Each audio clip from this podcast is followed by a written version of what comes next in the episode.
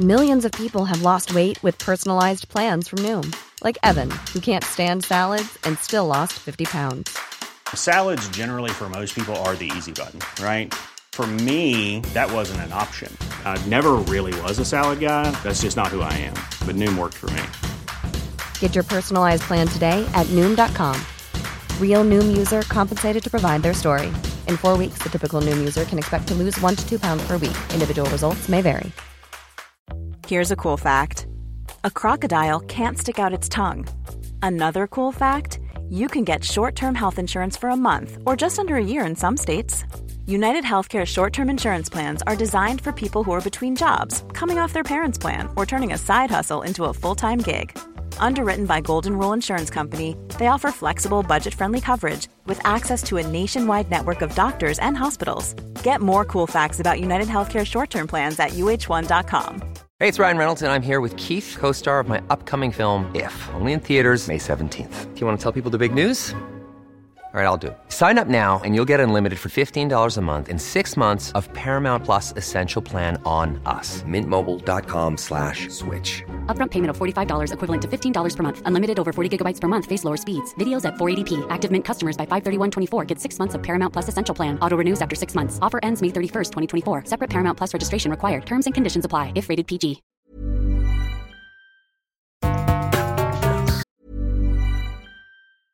Life is full of awesome what ifs, and some not so much, like unexpected medical costs. That's why United Healthcare provides Health Protector Guard fixed indemnity insurance plans to supplement your primary plan and help manage out of pocket costs. Learn more at uh1.com. Jewelry isn't a gift you give just once. It's a way to remind your loved one of a beautiful moment every time they see it. Blue Nile can help you find the gift that says how you feel and says it beautifully with expert guidance and a wide assortment of jewelry of the highest quality at the best price. Go to BlueNile.com and experience the convenience of shopping Blue Nile, the original online jeweler since 1999. That's BlueNile.com to find the perfect jewelry gift for any occasion. BlueNile.com. Ever catch yourself eating the same flavorless dinner three days in a row?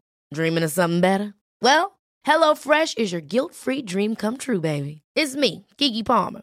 Let's wake up those taste buds with hot, juicy pecan-crusted chicken or garlic butter shrimp scampi.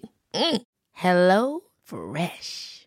Stop dreaming of all the delicious possibilities and dig in at HelloFresh.com. Let's get this dinner party started.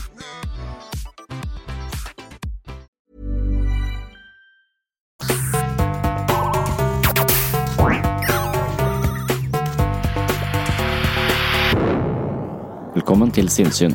Jeg heter Sondre Risom Livre, jeg er psykolog, og dette er Webpsykologens podkast.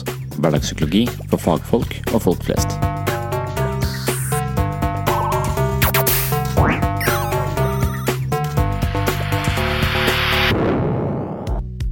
Ja, faen altså, jeg blir eh, aldri ferdig med det. Det er sjelden noe har irritert meg så mye som eh, pakkeforløp og et stadig mer eh, byråkratisk helsevesen. Det er et daglig irritasjonsmoment for meg, og siden det blir mer og mer av det, så, så har jeg fått nok. Så det du hørte nå innledningsvis, det var bruddstykket fra en samtale jeg hadde med en reporter i NRK P2. Jeg er fortsatt frustrert og oppgitt over at min særdeles meningsfulle jobb i stadig større grad forstyrres av meningsløse arbeidsoppgaver. Nok en gang blir det tema her i Sinnsyn. Jeg skal snakke mer om byråkratiet, som vokser på samfunnet som en ondarta svulst, og hvordan byråkratiet strør om seg med stadig flere styringskrav og målepunkter som legger beslag på den tiden vi skulle brukt i pasientbehandling. Hensikten fra ledelse og byråkrati er at tjenestene vi yter skal bli bedre, men når løsningene er mer kontroll og styring, forårsaker løsningene mer skade og mindre tid til det som er vår kjernevirksomhet. Det er en forferdelig utvikling i offentlig sektor som har pågått i årevis. Mange frustrerte behandlere skriver til meg og forteller at de bruker 50% av tiden sin på administrasjon og 50% på aktiv pasientbehandling. Etter innføring av pakkeforløp i psykisk helse har den administrative delen av jobben økt opp til 60 og det er under halvparten av tiden vår avsatt til møte med pasienter. Jeg er ikke utdannet sekretær, skriver en frustrert psykolog, og vi er mange som kjenner igjen denne frustrasjonen. Jeg mistenker at det store deler av arbeidslivet er infisert av en malplassert mistillit som gir rom for byråkrater og mellomledere hvis eneste oppgave er å påse at det andre ikke sluntrer unna. For å vise at de har gjort jobben sin, pålegger de alle ansatte å dokumentere alt de gjør, noe som er så tidkrevende at det hindrer folk i å gjøre jobben sin. Dette er en sak som har engasjert meg i lengre tid. I en tidligere episode her på Sinnsyn gikk jeg gjennom en del av mine egne synspunkter i denne saken, og hvordan motargumentene mot min posisjon formuleres av helseministeren og ledelsen ved Sørlandet sykehus. Jeg synes det er fortærende at vi lever i et samfunn hvor byråkratiet øker med 5% per år. Hele tiden genereres det nye prosedyrer, nye krav og kolonner med måltall som skal fylles ut. Jeg har selv skrevet flere kronikker om dette, og responsen har vært massiv. Mange skriver at de er frustrerte. Som nevnt angir flere psykologer at de bruker 50–60% av tiden sin på dokumentasjon og mer eller mindre merkantile oppgaver, mens 40% av tiden brukes i aktiv pasientbehandling. Pakkeforløpene i psykisk helse har gitt oss enda flere parametere som skal telles, krav som skal innfris og dokumenter som skal skrives. Istedenfor å bruke min kompetanse som psykolog i møte med nye pasienter, er jeg pålagt å stille folk nærmere 600 standardiserte spørsmål fra ulike spørreskjemaer, og tanken er at dette skal gi meg et eh, solid grunnlag for en presis diagnostisk utredning. Dette her er spill for galleriet. Det finnes få eller ingen presise diagnoser i psykisk helsevern. Det er uendelig mange måter å være deprimert på, og like mange årsaker til depresjon. I diagnosemanualen opererer vi med hundrevis av ulike diagnoser, og det vært slik at den enkelte diagnosen skulle medisineres med et spesifikt preparat, eller ble kurert ved hjelp av en helt særegen psykoterapeutisk behandlingsform, så hadde det kanskje vært hensiktsmessig med timeslange utredninger. Men slik er det ikke. Som regel gir vi pasientene en form for samtaleterapi, og det handler kort sagt om å etablere større oversikt over måten vi tenker, føler og handler på, og kanskje hvorfor vi typisk tenker og føler akkurat på denne måten. Hvor har vi det fra? Hvorfor fungerer det ikke? Hva kan vi gjøre for å forandre oss? Psykoterapi handler om introspeksjon, det handler om å lodde dybden i vårt psykiske liv og oppdage eventuelle feilkoblinger som medfører angst, depresjon, tvang, rigiditet, mellommenneskelig usikkerhet eller andre symptomer. De ulike behandlingsformene ligner hverandre, bortsett fra ved for eksempel OCD og tvangslidelser hvor det er avgjørende at behandlingen inkluderer en form for eksponeringsterapi. Det finnes også diagnoser med sterke biologiske tilsnitt som krever medisinering, men det kan kartlegges forholdsvis kort og greit. Jeg synes ikke at vi kan forsvare å bruke de fem første timene med en ny pasient på utredning og standardiserte spørsmål. Altfor ofte er det misbruk av både pasienten og terapeutens tid. Mitt forslag er å la den enkelte terapeut vurdere hvilke utredninger som er viktig i møte med pasienter, og deretter la terapeuten og pasienten bli enige om hvilken type behandling de skal iverksette. Det krever at vi stoler på terapeutens ekspertise, men det er ikke slik man gjør det i psykisk helsevern per i dag. Isteden er terapeutens ekspertise parkert til fordel for hundrevis av standardiserte spørsmål. Slik sørger vi for at alle pasienter som kommer til psykisk helsevern, behandles likt og får det samme, selv om vi vet at alle pasienter er helt forskjellige fra hverandre. Som terapeut føler jeg at min kompetanse undergraves og betviles når jeg ikke får lov til å utøve egne vurderinger i møte med nye pasienter.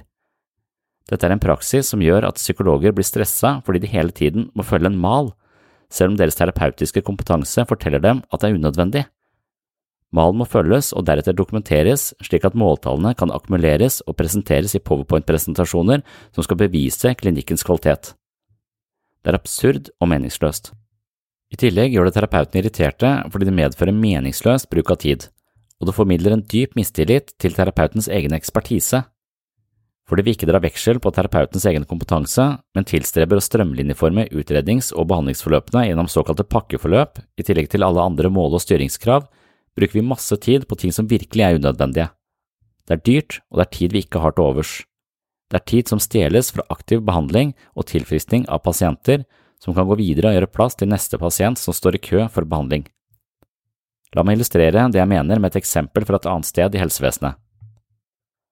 Margaret Heffernan er en eh, kjent leder som refererer til en studie fra Nederland i en TED-talk. I denne nederlandske byen ble hjemmesykepleien organisert som et supermarked. Hver pasient fikk en eh, nøye tilmålt tid og hjelp i henhold til prosedyrer og prioriteringsveiledere. Hele tjenesten var eh, toppstyrt med et lederskap som tok avgjørelser. De som behovsvurderte hver enkelt pasient, var ofte i lite kontakt med aktiv pasientarbeid. Et slikt system fikk Olga på 72 år 8 minutters hjemmesykepleie på mandag, 14 minutter på onsdag og 10 minutter på fredag. Sykepleierne som jobbet i dette systemet, hata det. Det var stressende at noen over dem hadde bestemt og detaljstyrt hvor lenge og hva de skulle foreta seg på hvert enkelt pasientbesøk. Systemet hadde kanskje fungert hvis jobben de skulle gjøre var helt forutsigbar, men mennesker er overhodet ikke forutsigbare på denne måten. Dersom sykepleierne fulgte rammene til punkt og prikke, gikk de alltid hjem med dårlig samvittighet og stress. Kanskje hadde Olga behov for en halvtime på mandag, og denne tiden kunne de henta inn hos Reidun, som hadde besøk av familien som hjalp henne akkurat denne uka. Slike avgjørelser kunne man tatt på strak arm, men prosedyrer og detaljstyring gikk i rom for denne typen fleksibilitet. Da var det en modig sykepleier som foreslo følgende. Siden det er sykepleierne som kjenner pasientene best, kan vi ikke la de avgjøre hvor mye tid de skal bruke per pasient og hvordan tiden skal brukes.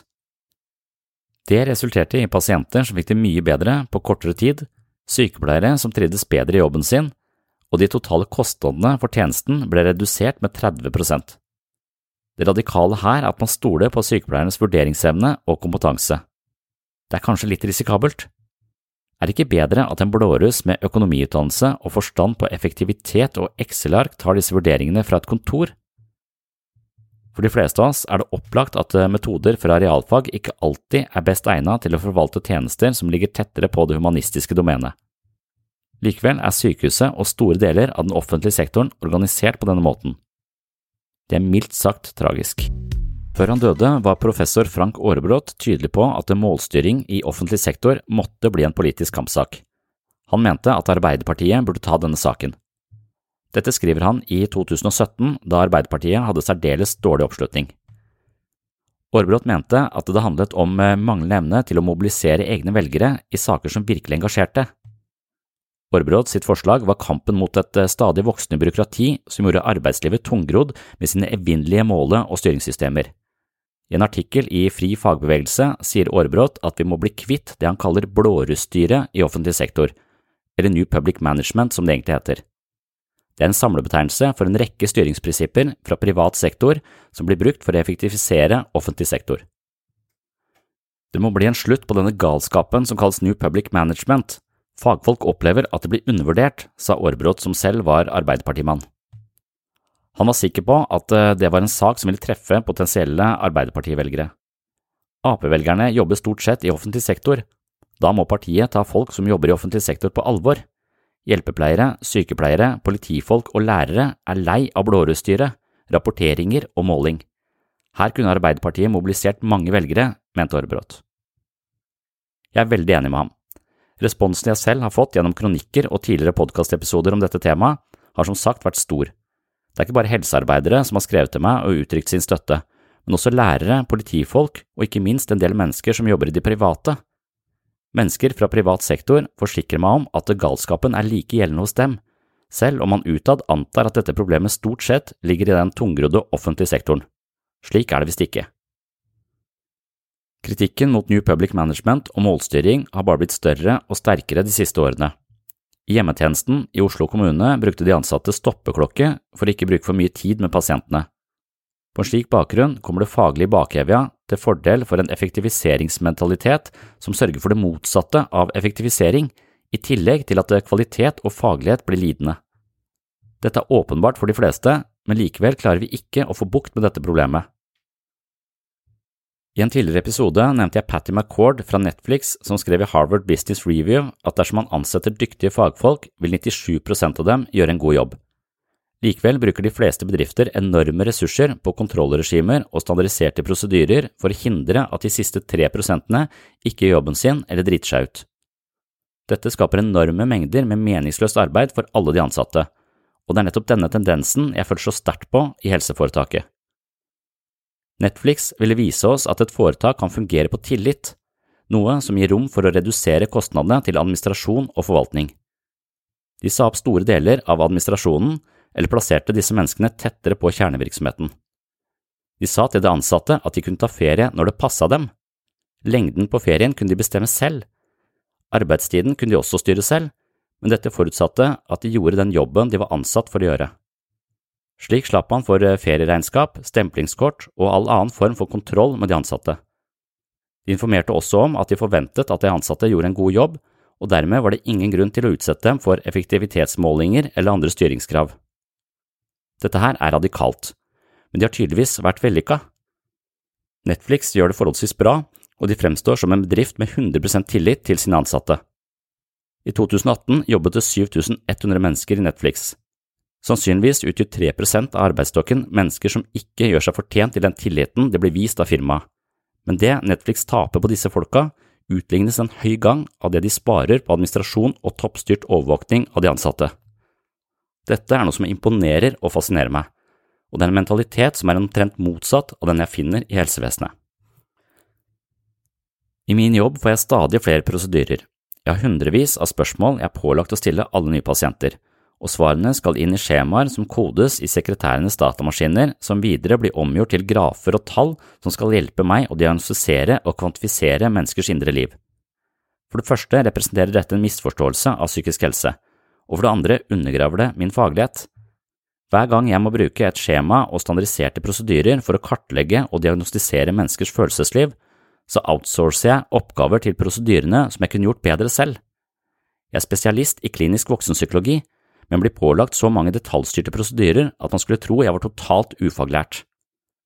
Jeg tror det er en fare for at vi lar prosedyrene styre og tenke for oss, og så tenker vi mindre selv, noe som fører til en gjennomgripende følelse av meningsløshet og tap av verdi.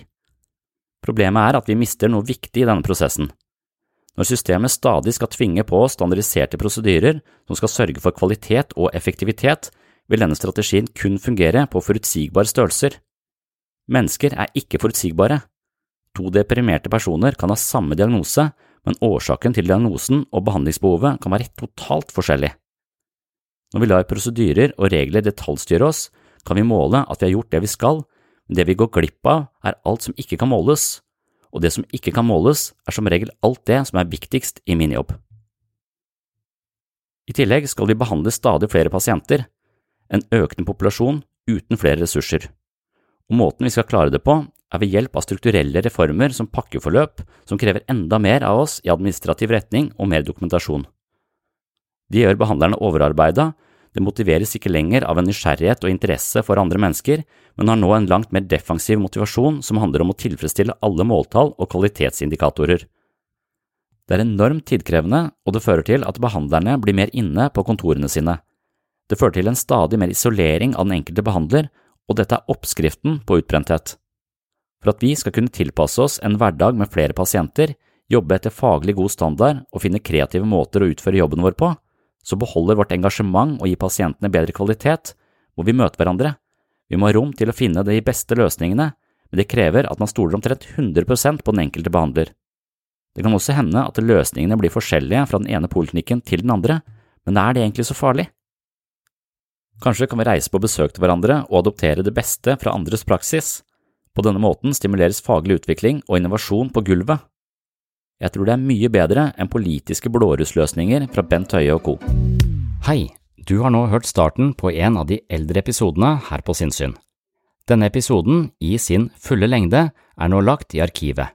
Hvis du ønsker å høre hele episoden, har du to alternativer. Du kan laste ned Sinnsyn-appen fra Google Play eller AppStore, i Sinnsyn-appen kan du gå inn på podkast og finne hele arkivet. Her ligger de 370 første episodene av Sinnsyn i sin fulle lengde og originale form, i tillegg til 40 bonusepisoder fra tidlig sinnssyn. Og disse arkivepisodene er til og med uten reklame fra tredjepart. Alternativ to, hvis ikke du vil bruke Sinnsyn-appen, er å gå inn på patron.com for segs sinnssyn. På Patreon kan du finne en feed som inneholder alle de arkiverte episodene. Denne feeden kan du legge inn i din favoritt-podkastspiller, og vips har du tilgang til alle episodene fra Sinnsyn i perioden mellom juli 2016 og oktober 2022, altså seks år med Sinnsyn-episoder i sin fulle lengde uten reklame. Sinnsyn-appen og Patron er to forskjellige plattformer, men begge to inneholder Sinnsyn-arkivet, i tillegg til alt du trenger for å komme i form både mentalt og fysisk. Last ned mitt mentale treningsstudio i form av Sinnsyn-appen fra Google Play eller AppStore, eller besøk mitt mentale treningsstudio på patron.com for segs sinnssyn i dag. Da kan du høre videre her du slapp, eller finne andre interessante temaer fra psykologiens verden. Og du, tusen takk for at du hører på Sinnssyn.